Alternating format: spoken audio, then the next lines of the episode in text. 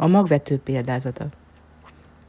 Jézus a tenger mellett tanított, és olyan nagy sokaság gyülekezett köréje, hogy hajóba szállt, és onnan beszélt a földön ülő néphez.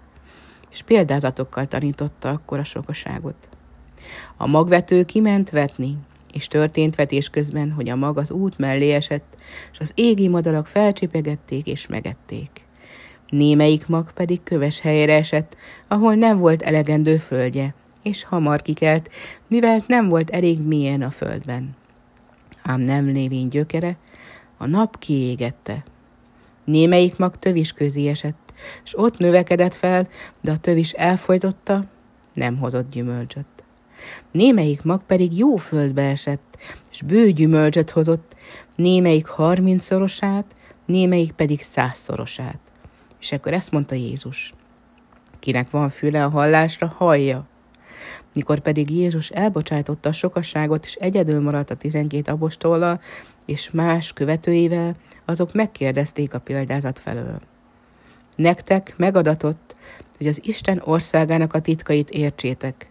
A kívüllevők azonban arról csak példázatokban hallhatnak.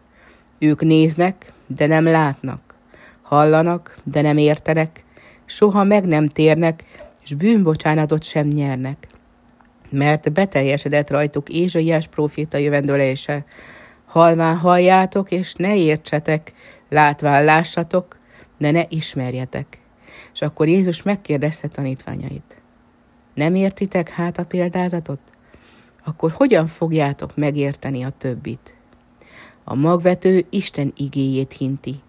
Az út mellé hulló mag annak jut, akihez eljut az ige, de mihelyest meghallja, azonnal eljön a sátán, és elragadja a szívébe vetett igét.